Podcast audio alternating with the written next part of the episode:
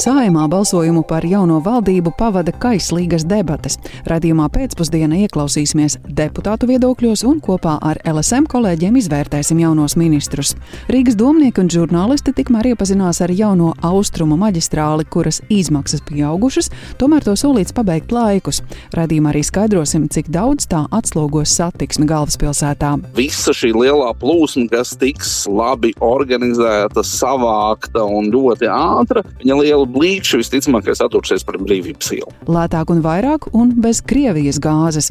Tā var teikt par Inču kalna gāzes krātuvi, kura piepildīta par 80% un sola bez gāzes mūsu ziemā neatstāt. Bet kā būs ar Ukrainu, to raidījumā pēcpusdienā jautāsim mūsu žurnālistei Kijevā Indrai Sprancei.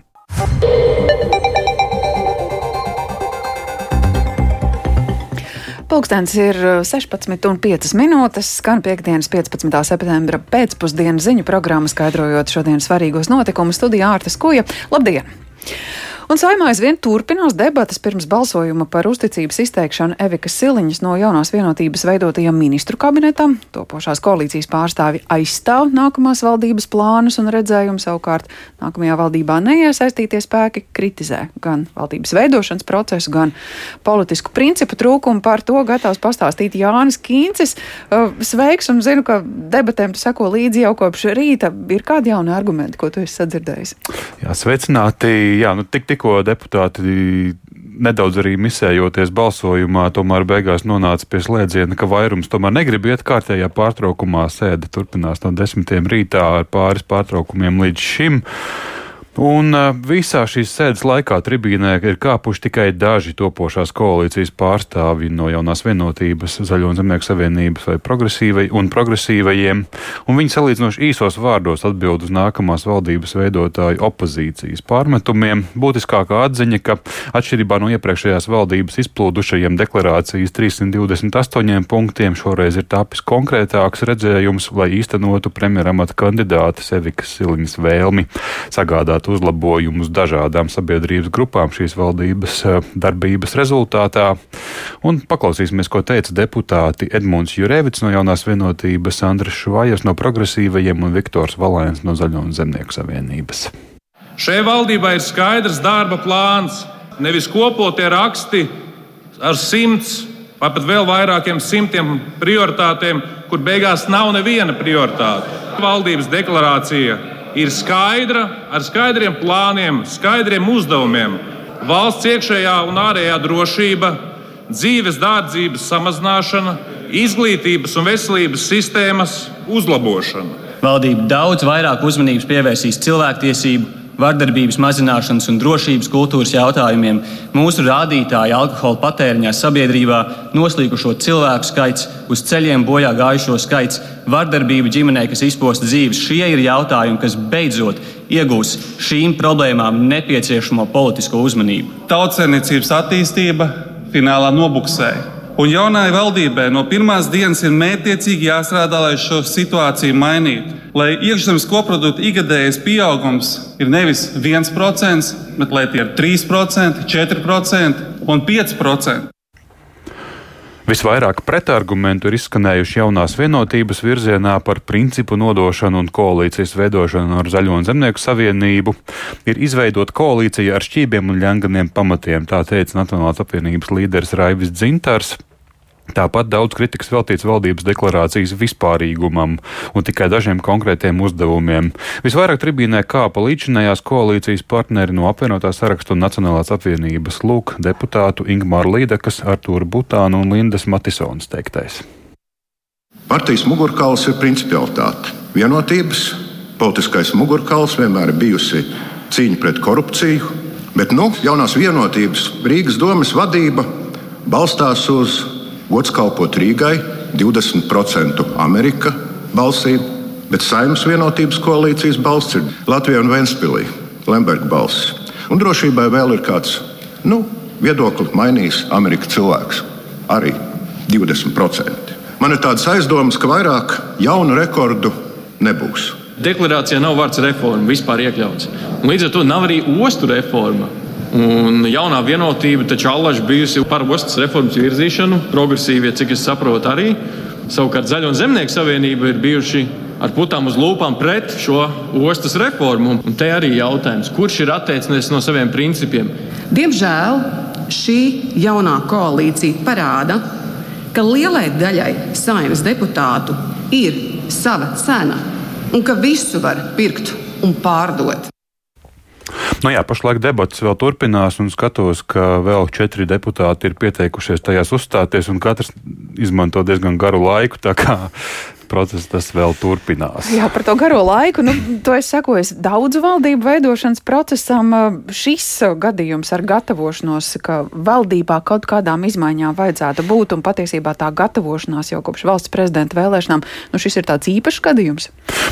Jā, gan. Nu, jau daudzkārt, gan iepriekš, gan šodien saimnes debatēs tas jau arī izskanējis, ka šīs valdības izveidošanas stāsts tiešām sākās maijā, toreiz vēl ārlietu ministra Edgara Rinkeviča kabinetā, kur vienopus tikās jaunās vienotības ZZS un progresīvo pārstāvji par balsojumu valsts prezidenta vēlēšanās 31. maijā.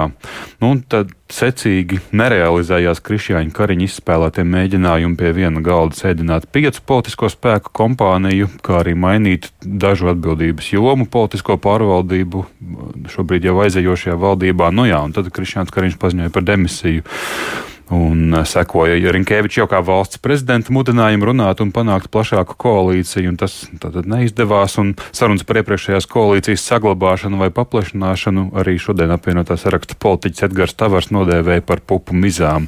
Nu, vai šo visu procesu varēja virzīt ātrāk, uh, nojaušot šo iznākumu? Iespējams, taču, protams, savu lomu nospēlēja arī sarunu pārtraukumu vasarā, gan arī, arī pēdējās nedēļās zināmas grūtības vienoties par amatiem, ko apliecināja arī atbildīgi atbildību sadalījumu nosaukšanu tikai trešdien, tas ir aizvakar. Un, jā, un, protams, ka jaunās koalīcijas darbu arī tad, ja, kad šis balsojums būs uh, pozitīvs, tad koalīcijas darba neatvieglos tās nelielais skaitliskais pārsvars par opozīciju, un pirmais lielais pārbaudījums būs valsts budžeta sagatavošana.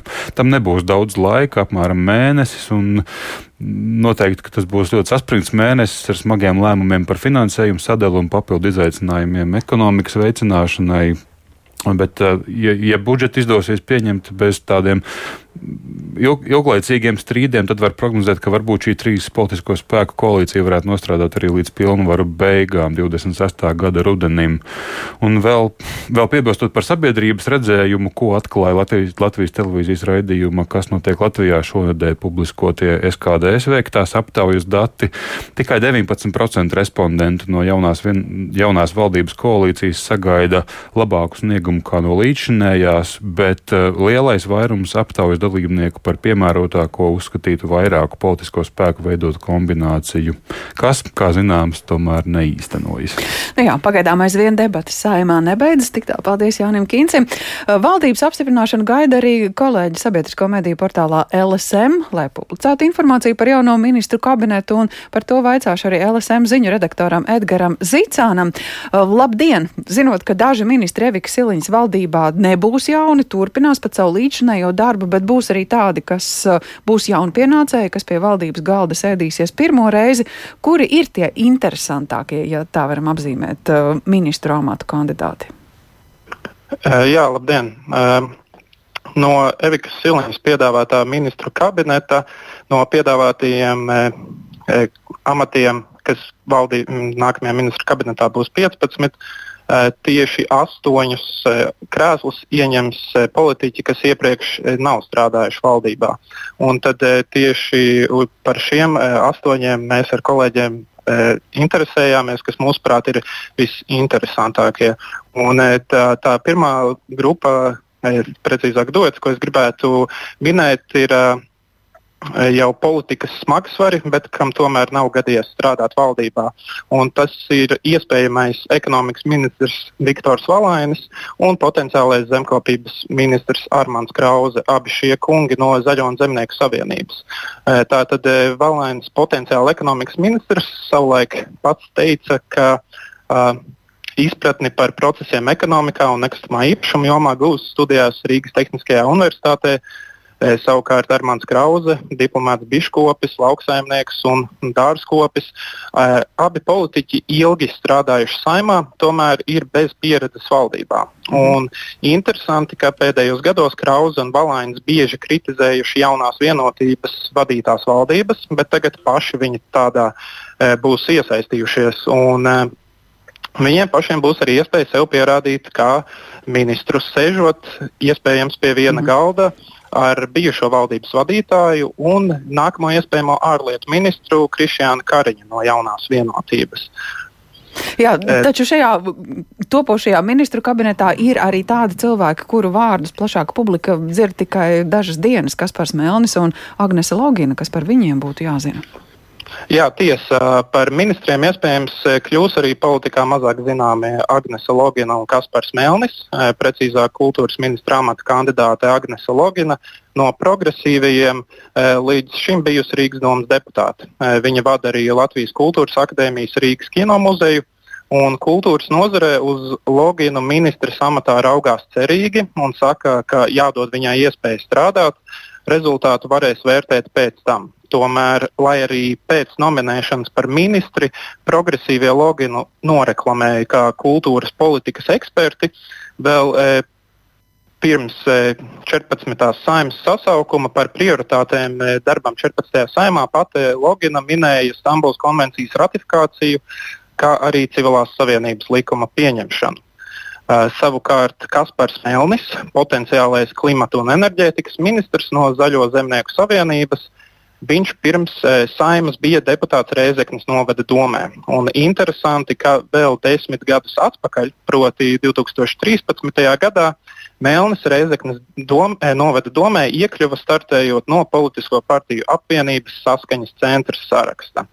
Uh, uzreiz pēc nominācijas eh, šim amatam izskanēja asa nozares kritika par to, ka klimata un enerģētikas ministrijas vadību varētu uzticēt tieši Melnim, un uh, vairākas dabas organizācijas kategoriski iebildušas pret Melni šajā amatā. Eh, tāpat nedaudz amizanti ir arī tas, ka pirms dažiem mēnešiem Melnis eh, pats sociālajos tīklos dižojās ar to, ka ZZS saimnes frakcija, un tostarp viņš pats, balsoja pret klimatu un enerģētikas ministrijas izveidi, un tādējādi viņa prāt valsts budžeta līdzekļu mhm. izšķērdēšanu. Taču tagad viņš ir visticamāk pāris stundas no kļūšanas par ministrijas vadītāju. Nu, nu, ir vēl daži jaunpienācēji, vai ir tādi, par kuriem kas īpaši jāzina? Uh, jā, Vēl ministra darbā nebūs e, darbojušies iespējams e, par veselības ministru kļūs e, Hosam Sabumerī, par vidas aizsardzības un reģionālās attīstības ministriju ministri Inga Bērziņa, par aizsardzības ministru Andris Sprūts un par satiksmes ministru Kaspars Brīškens. Pieņemsim par, par šiem, par šiem potenciālajiem ministriem. Svarīgākais, kas jāzina, ir tas, ka viņi ilgus gadus darbojušies e, jomās, kas saistītas ar nozari, par ko viņi drīzumā varētu būt atbildīgi. Pieņemsim, Inga Bērziņa no jaunās vienotības. 15 e, gadus bija Kuldīgas domas priekšsēdētāja, savukārt e, Kaspars Briškens ilgi strādājis satiksmes jomā un sevi pozicionējis kā dzelzceļa, it īpaši Real Baltica projekta eksperts. Ilgadējais Latvijas ārpolitikas institūta vadītājs Andris Sprūts. Līdz šim publiskajā telpā vairāk kārt uzstājies kā drošības un politikas eksperts. Tātad viņam iespējams nāksies uzņemties aizsardzības ministra pienākumus. Savukārt Hosam Sabu Merī, kurš varētu stāties veselības ministra amatā, ir sabiedrībā labi zināms kā gastroenterologs, endoskopists, un viņš arī plāno turpināt praktizēt medicīnu, ja viņu iecels par ministru, tad jā, šiem četriem politiķiem, ko minēju, būtiskākais tas, ka viņiem tagad būs iespēja pierādīt sevi nozarēs, par kurām šķietami viņi ir lietpratēji. Mm -hmm. Lielas paldies par šo sarunu, saka LSM ziņu redaktoram Edgaram Zīcānam, piebildīšu, kā ko līdz ministru kabineta saimā saņems savu apstiprinājumu. Ar ministriem iepazīties varēsim sabiedrisko mediju portālā. Pagaidām debatas aizvien turpinās un, kā redzam, arī saimas deputātiem vienam otram uz sejas ir ir aizsarga maska. Tas apliecina to, ka Latvijā turpina pieaugt Covid-19 izplatība. Par to informē arī slimību profilakses un kontrolas centrā. Vīrusu izplatību uzrāda arī notekūdeņu monitorings, kurā atklāta Covid jaunā varianta ēris klātesamība. Nedaudz palielinājies arī stacionāros uzņemto pacientu skaits ar Covid-19, bet vairāk par situāciju ar šo saslimstību Latvijā stāsta Paula Dēvica. Aizvadītās divas nedēļas vērojams pieaugums saslimstībā ar covid-19, tā informē slimību profilakses un kontrolas centrā. To pamanījuši arī sociālo mediju lietotāji, kuri arvien biežāk raksta par saslimušiem draugiem, kolēģiem un ģimenes locekļiem. Pašlaik pozitīvs ir katrs ceturtais veiktais covid-19 tests. Izplatības pieaugumu rāda arī notekūdeņu monitorings. Šobrīd vairākos Latvijas reģionos konstatēta varianta eris izplatība. Turpina SPKC epidemiologs Jurijs Perevoščikovs. Šis eris ir pēcnācējs, kas nāk no iepriekš izplatīta, ka varianta XBB15. Viņam pievienojas vēl viena mutācija, un šis vīrus ir jau kopš vasaras mēnešiem intensīvi izplatās vairākas valstis, bet neviens pagaidām nav novērojis, ka šis vīrus būtu izraisījis smagāku klīnisku gaitu. Kopumā gan saslimstība joprojām raksturojama kā zema, un īpaši papildus piesardzības pasākumi pārsvarā nav ieviesti ne darba vietās, ne slimnīcās. Piemēram, Paula Stradiņa Kliniskā universitātes slimnīca ziņo, ka neliels pieaugums stacionārā redzams, taču pašlaik veselības aprūpei papildus slogu tas nerada.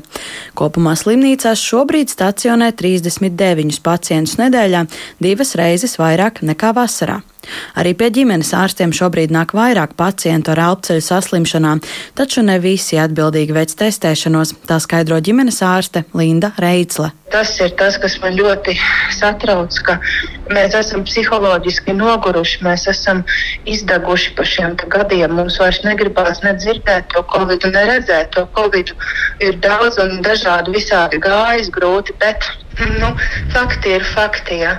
Un mums ir jāsakož zobi un tomēr jāsargā sevi un jāsargā savus apkārtējos. Simptomi ir tie paši, ko šķiet jau labi zinām, kā citām elpceļu saslimšanām - klepus, nogurums, paaugstināta temperatūra.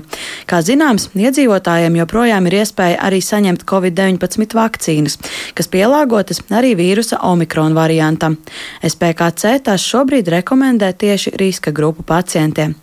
Jāpiebilst, ka tie, kas reiz jau izslimojuši vai bijuši potēti, nevar justies pilnībā droši, jo pa šo laiku ir parādījušies jauni varianti un mutācijas, kas iepriekš iegūto aizsardzību var apiet. Par dažiem saslimšanas gadījumiem jaunā mācību gada pirmajās nedēļās ziņojušas arī vairākas Rīgas skolas.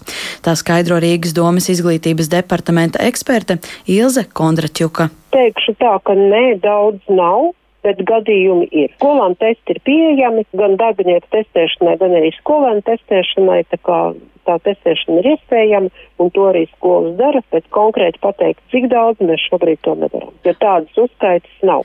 Skolās joprojām notiek arī telpu veidināšana pēc noteikta algoritma. Kontraķuka ziņo, ka visaptverošu sistemātisku testēšanu šobrīd neplāno atsākt. Tomēr veselības nozarē atgādina, ka vislielākā nozīme šobrīd ir individuālai atbildībai, un, ja personai ir konstatēti saslimšanas simptomi, ieteicams uz skolu vai darbu nedoties. Paula Dēvica, Latvijas radio. Tik tālu par covid izplatību Latvijā, bet no nu, ārvalstu aktualitātes. Ziemeļāfrikas valstī Lībijā piekto dienu turpinās seku likvidācija pēc katastrofālajiem plūdiem, kuros dzīvību zaudēja tūkstošiem cilvēku, bet stihijā vismagāk cietusī Dērnas pilsēta ir daļēji sagrauta. Plūdu skartajos rajonos krājas neaizvesto līķu kaudzes, bet daudziem izdzīvojušiem vairs nav māju un trūkst arī pirmās nepieciešamības lietu. Lībijā pastiprinās aicinājumi uzsākt izmeklēšanu, lai noskaidrotu varas iestāžu atbildību par milzīgo bojā gājušos skaitu, un vairāk par to stāsta Uldis Česbergs. Vētras Daniels atnestas spēcīgas lietavas pagājušajā svētdienā izraisīja plūdus Lībijas austrumu reģionos. Vissmagāk tie skāra vidusjūras piekrastes pilsētu Dernu, jo milzīgo nokrišņu dēļ tika pārauti divi dambi, tāpēc milzīga ūdens masa burtiski nošķūrēja daļu pilsētas rajonu. Vietējās varas iestādes lēš, ka pilnībā nopostīta ir aptuveni ceturtā daļa pilsētas, kur pirms katastrofas dzīvoja 90 tūkstoši cilvēku. Pēc plūdiem aptuveni 30 tūkstoši dernu Dērnas iemītnieku ir palikuši bez mājām. Lībijas sarkanā pusmēnesis organizācija līdz šim ir apstiprinājusi vairāk nekā 11 tūkstošu cilvēku bojāēju, taču patiesais nogalināto skaits varētu būt 20 tūkstoši. Arī šodien Dernā turpinās katastrofas seku likvidācija, mēģinot plūdu sanestajā dubļu masā un zem ēku drupām atrast vēl simtiem un tūkstošiem bojāgājušo. Daudzi upuri tika ieskaloti jūrā.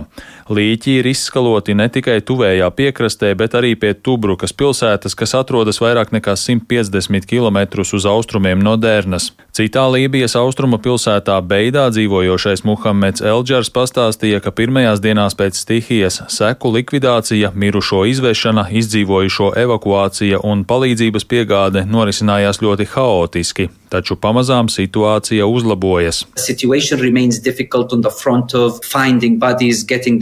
Situācija joprojām ir sarežģīta attiecībā uz mirstīgo atlieku atrašanu, izcelšanu, identifikāciju un apbedīšanas procesa veikšanu.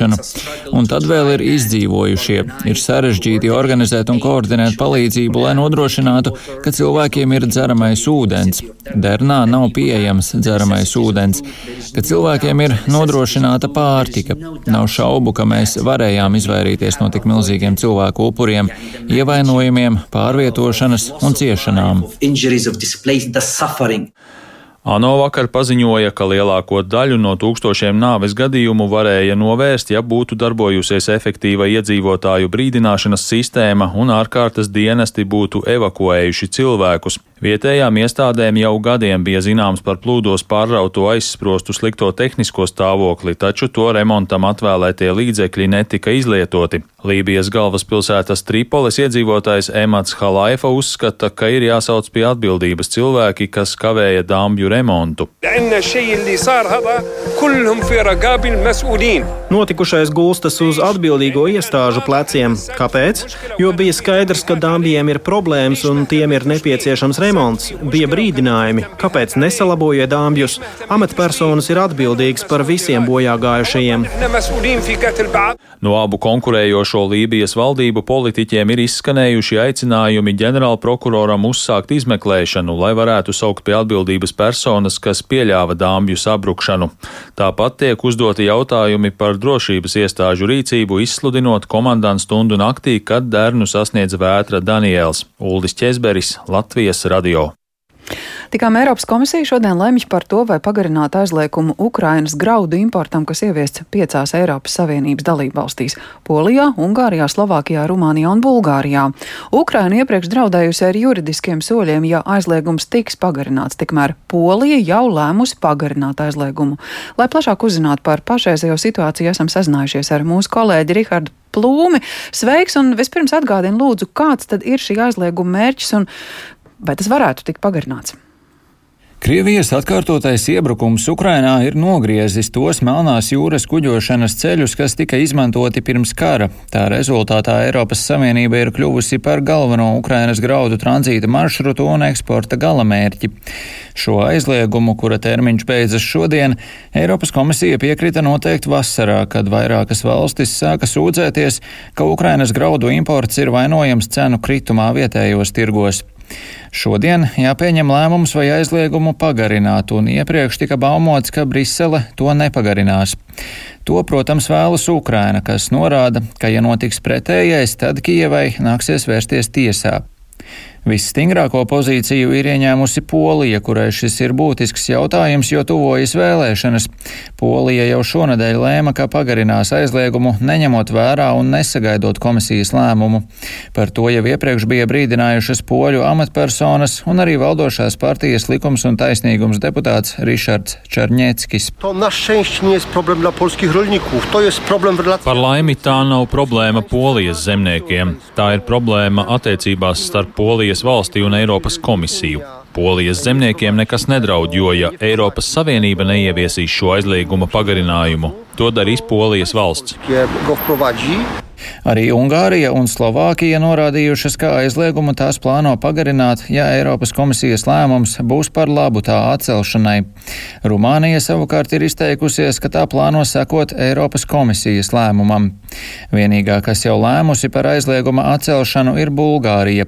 Tā pamatojusi savu lēmumu ar to, ka nepieciešams izrādīt solidaritāti Ukrainai un garantēt nodrošinātību ar pārtiku globālā mērogā. Kā iemesls minēta arī nepieciešamība stimulēt konkurenci tirgu un tādējādi apturēt inflāciju valstī. Rihards Plūme, Latvijas radio. Krievijas vispārējiem iebrukumam Ukrainā turpinoties, Ukrainas galvenā prioritāte paliek nemainīga uzvarēt karā pār iebrucēju, tāpēc plānojot nākamo gadu Ukraina turpinās stiprināt armiju un plānots arī attīstīt bruņojumu ražošanu uz vietas Ukrainā. Par to šodien preses konferencē Kīvā pauda Ukrainas premjers Denis Šmihaļs.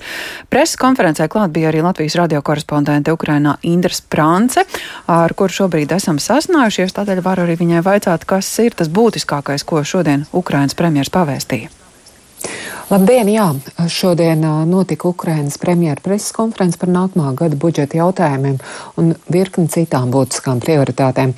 Kā norādījuši Mihais, pirmā un galvenā prioritāte visu šo 19 mēnešu laikā kopš vispārējā iebrukuma sākuma nav mainījusies. Un tas ir viss iespējamais atbalsts armijai un aizsardzības nozarei, lai Ukraina varētu cīnīties pretī iebrucējiem un šim te karaspēkam.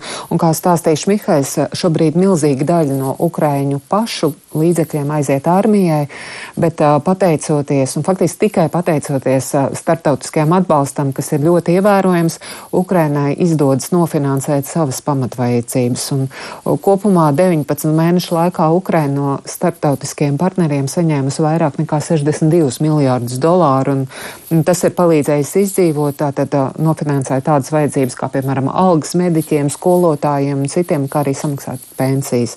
Savukārt pašu līdzekļus milzīgos apmēros Ukraina šobrīd izmanto, lai uzturētu un finansētu armiju, kā arī iegādāt, iegādātos visu nepieciešamo tās vajadzībām. Un šim mērķim aiziet simtiem miljārdi grīvnu, un tā kā karš šobrīd turpinās, izskatās, ka līdzīgs varētu būt Ukrainai arī 2024. gads, un finansiāli tas varētu būt tikpat sarežģīts kā šis gads, stāstīja premjeras, bet labā ziņa Ukrainai salīdzinot ar, nu, teiksim, pērno gadu ir izdevies stabilizēt makroekonomisko situāciju. Arī inflācija izdevies samazināt līdz 8,6%, tā ka kopumā situācija uzlabojas. Bet, protams, startautiskais atbalsts joprojām būs nepieciešams, tā kā Ukraiņu izdevumi armijas Ukrainai ir un būs milzīgi. Un šobrīd Ukraina dara visu iespējamo, lai tātad stiprinātu šo armiju. Un uh, viens no tās galvenajiem akcentiem, kas šodien sacīja premjeras, ir droni. Paklausīsimies uh, mazu fragmentiņu. Ukraiņas kārtiem droni Ukrainas dronu armija ir pilnībā palaista strādā. 40 miljārdi grīvnu šogad tika piešķirti dronu armijai, un mēs turpināsim šo finansējumu. Mēs faktiski atjaunojam Ukrainas bruņojuma produkciju, Ukraiņu tehniku, bruņu mašīnas, bruņu tehniku. Mums ir Ukrainas raķešu programma, un tās rezultātus mēs redzam video ierakstos un video komentāros. Detaļās es nevaru publiski runāt, bet ticiet man uz vārda, ka mūsu spējas ir simtiem reižu lielākas nekā tas bija līdz vispārējiem iebrukumam nekā pagājušajā gadā. Jā, un paralēli tam, ka notiek karš un, un jācīnās par savu izdzīvošanu, Ukrainā joprojām ir ļoti daudz citas vajadzības, par kurām premjeras šodien preskonferencē informēja. Viņš arī nosauca vēl uh, septiņus jautājumus, kas šobrīd ir viņa valdības darba kārtībā kā prioritātes. Un uh, tā pirmā un galvenā ir makro, makro ekonomiskās stabilitātes turpmāk nodrošināšana, eh, kas, kā atzīmē premjeras, joprojām ir izaicinājums, bet sadarbībā ar Nacionālo banku un ārvalstu partneriem um, to ir izdevies paveikt. Un, kā prioritāte valdībai noteikti arī enerģētiskās drošības nodrošināšana.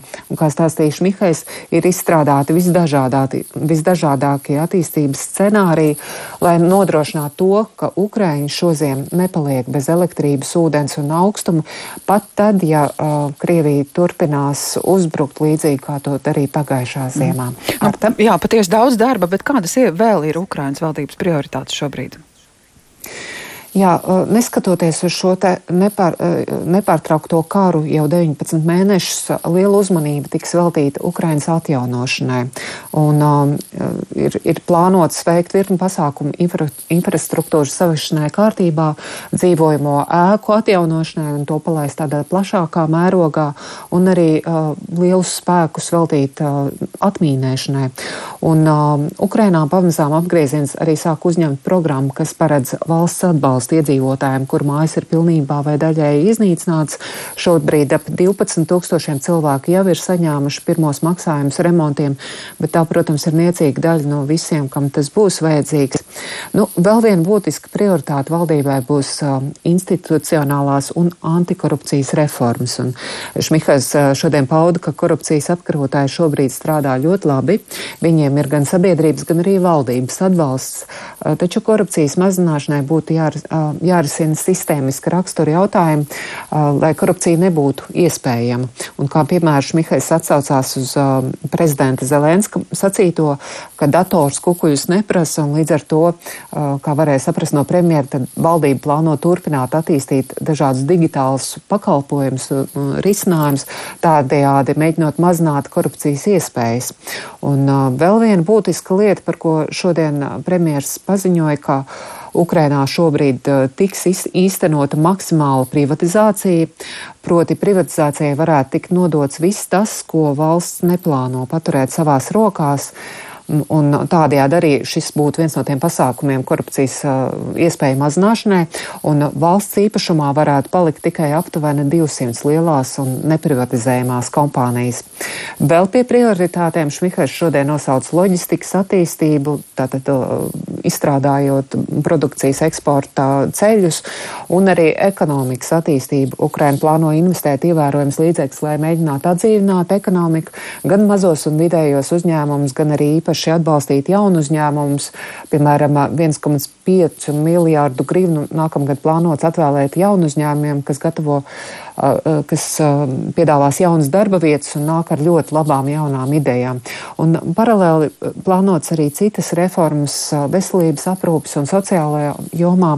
Tagad detalizētāk nepieminēšu, preses pres konferences aizņem turpat divas stundas, bet uh, ir daudz uh, dažādi jautājumi, kurus mēģina Ukraina sakārtot, neskatoties uz to, ka notiek karš. Uh, Un, un vienlaikus visu to darot, lai, kā raksturoja šodien Šmihais, um, nu, neaizmirstot arī par mazākām lietām, kā piemēram par stomatoloģijas pakalpojumiem kara veterāniem, lai tā visā procesā saglabātu savu cilvēcību. Lielas paldies par šo informāciju. Latvijas radio korespondentai Ukrainā Indrai Sprāncai. Viņa šodien pabija preses konferencē Kīvā, kur ar jaunāko informāciju uzstājās Ukrainas premjers Denis Šmihals. Bet nu par Latviju. Latvijā šodien gāzes krājumi pietiks visiem vienotā dabasgāzes pārvedes un uzglabāšanas sistēmas operatora Konexus valdes priekšsēdētājs Ulris Baris šorīt kolēģiem Kristapam Feldmanim un Laurim Zvejniekam programmā Labrīt teica, ka Inčukalna pazemes gāzes krātuve ir uzpildīta par 80% un iesūknēšana vēl turpinās. Šajā gadā situācija ir daudz labāka nekā tā bija pagājušajā gadā. Inču kalnā jau ir eh, noglabātas apmēram 20 terawatstundas. Nu, lai to cilvēciski pateikt, tas ir apmēram 80% no maksimālā aizpildījuma, jau tur atrodas. Pagājušajā gadā tas bija nedaudz zem 60%. Kopumā mūsu krātuve ir labi uzpildīta, bet iesūknēšana vēl turpinās, tāpēc tas vēl nav maksimums. No kurienes kāda šī gāzes izcelsme ir galvenokārt? Kopš šī gada sākuma gāze no Krievijas Baltijā vairs neienāk. Līdz ar to gāzi mums piegādā no gāzes termināļiem Lietuvā un Somijā. Un tā ir no tādām valstīm kā Norvēģija, vai Amerika, vai Āfrikas valstis. Tā izcelsme ir ļoti dažāda, plaša, bet noteikti šīs piegādes vairs nav no Krievijas. Cik eh, pieprasīta ir krātuve? Šajā brīdī mēs redzam, ka tirgotāji, kas apgādā visus klientus, krātuvi ir novērtējuši kā ļoti būtisku infrastruktūras daļu. Un, uh, visas krātuves jaudas tirgotāji ir norezervējuši, un arī ir prieks redzēt, ka viņi krātuvi aktīvi izmanto. Ne tikai tirgotāji ir noglabājuši gāzi arī Latvijas valsts ir izveidojusi valsts strateģisko rezervi. Tas ir 1,8 teravats lai aptuveni saprastu, tas ir vairāk nekā Latvijas iedzīvotāji patērē gada laikā. Protams, ka šo gāzi varētu izmantot uh, arī elektroenerģijas ražošanai vai citām vajadzībām, bet uh, tas, ko gribās uzsvērt, ka uh, salīdzinot ar pagājušo gadu, mēs noteikti esam daudz drošāki krīzes gadījumā, ja tādas sāktu veidot. Tā kā Nexus valdes priekšsēdētājs Ulris Baris jāpiebilst, ka šodien izskanēja arī, ka Inčukāna pazemes gāzes krātuvē līdz 2025. gadam plānots investēt 99,5 miljonus eiro četru projektu īstenošanai. Puse no šīs četru projektu īstenošanai nepieciešamās summas nāks no Eiropas Savienības līdzfinansējuma. Toskait ir plānota 36 urbumu modernizācija. Tāpat tiks gādāts arī par jaunu gāzes pārsūknēšanas agregātu uzstādīšanu, kas strādās ar lielāku jaudu un arī būs ar mazāku ietekmi uz vidi. Tādi grandiozi attīstības plāni Inčukānu pazemes gāzes krātuvē. Bet vēl par galvaspilsētu. Rīgas lielāko satiksmes infrastruktūras projektu Austrumu maģistrāli pabeigs plānotajā laikā šoruden. Ap trim kilometriem garā maģistrāle, kas stiepjas cauri dārciem un purciemu, būtiski atslogos pilsētas centru no kravas mašīnām. Tā šodien apsekojot objektu teica Rīgas domas pārstāvi atzīstot, ka Ukrainas karš un papildu darbi projektu ir sadārdzinājuši par vairāk nekā 7 miljoniem eiro. Tagad tas izmaksās 73 miljonus eiro. Kāda pār to atklās kustību un vai satiksmes problēmas līdz ar to pilsētā būs atrisināts, par to vairāk Viktora Demidova ierakstā. Augusta Deglava ielā uzreiz pēc tilta pāri dzelzceļu klāja asfaltu pie jaunuzbūvētā krustojuma. Nogriežoties pa labi vai braucot uz centru, nogriežoties pa kreisi, transporta līdzekļi varēs nokļūt uz jaunās austrumu maģistrāles, kur dažviet vēl norit aktīvi darbi. Projekts bija ļoti sarežģīts, ir vēl joprojām ļoti sarežģīts. Jā. Būvu uzņēmuma ACB vadītājs Valdis Lēnieks stāsta, ka vēl ir jāpabeidz asfaltēšana un jāuzstāda barjeras, stabi un luksafori. Tagad pabeigti līdz līdz 90% plānoto darbu. Pirmā kārta jau vēl nav nodota eksploatācijā, bet darba pabeigšanas akts ir parakstīts. Otrā kārta, kā jūs redzat, arī tuvojās finišam. Plānojam mēs darbus pabeigt oktobra beigās, novembra sākumā. Purvciemā, Dārzciemā un nedaudz arī Teikā izveidotā 2,8 km garā austrumu maģistrāli stiepjas no Vietāvas un Piedrujas ielas krustojuma līdz Unijas ielas un Gustava Zemgala gataves krustojumam. Satiksmi gatavojas atklāt decembrī, tā teica Rīgas domas ārtelpas un mobilitātes departamenta direktora pienākuma izpildītājs Jānis Vaivots. Taču, atceroties Sarkandaugavā, Dauders salas pārodu, kuru atklāja vien pavasarī, jeb vairākus mēnešus pēc tā pabeigšanas, rodas bažas, vai līdzīgs liktenis nedraud arī austrumu maģistrālei. Turpina Vaivots. Mācoties varbūt no iepriekšējām kaut kādām problēmām, mēs esam sākuši izpildu dokumentāciju gatavot jau būvniecības laikā, un attiecīgi šobrīd nu, pirmšķietami izskatās, vismaz skatoties uz pirmo kārtu, kad mēs būsim spējīgi atvērt vēl šogad. Kopumā projekta abas kārtas izmaksās ap 73 miljoniem eiro. Tas ir par aptuveni 7,4 miljoniem eiro vairāk nekā sākotnēji plānots. Iemesls - Ukrainas karš, būvmateriālu sadārdzinājums un papildu darbi. Piemēram, komunikācijas nav atradušās vietās, kas norādītas dokumentācijā. Tāpēc bija jāmeklē citi risinājumi. Domē skaidro, ka austrumu maģistrāle kombinācijā ar Daudera salas pārodu būtiski atslogos pilsētas centri no kravas mašīnām, kas uz ostu brauc pa 11. novembra krastmalu un citām centra ielām. Vai maģistrāli atklājot satiksmes problēmas pilsētā būs atrisinātas?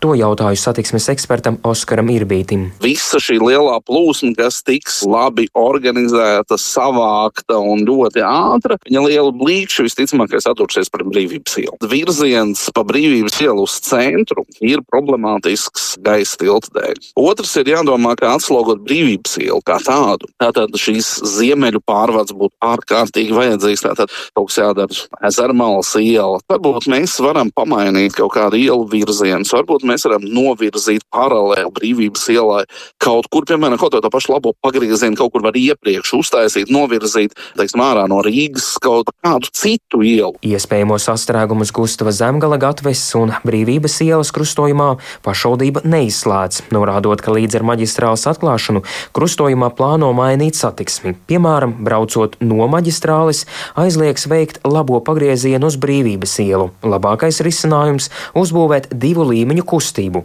taču tāda varētu parādīties vien desmit gadu laikā. Viktors Demidovs, Latvijas radio. Piektdiena, 15. septembris, šobrīd 16,43 minūtes, un sājums tribīnē vēl aizvien kāpj debašu dalībnieki. Debates par Evika Siliņas no jaunās vienotības izveidoto ministru kabinetu ilgst jau kopš desmitiem rītā ar vairākiem pārtraukumiem. Visai drīz ceram arī sagaidīt balsošanas brīdi un prognozēts, ka ministru kabinets saņems nepieciešamo atbalstu, un tad jau šovakar tas varētu sanākt arī uz pirmo sēdi. Par to noteikti stāstīsim Latvijas radio turpmākajos ziņu raidījumos, bet ziņu raidījums pēcpusdienu šobrīd izskan. To veidoja Ārtas Kuja un Kārlis Dagilis. Ierakstu ēteram gatavoja Renāša Steimans pie skaņu pulcīvetes zvejniec. Un, ja vēlaties šo pārraidi noklausīties vēlreiz vai dalīties ar citiem, to varat atrast gan Latvijas radio mobilajā lietotnē, kā arī mirkli vēlāk lielākajās raidierakstu platformās ar nosaukumu Dienas ziņas.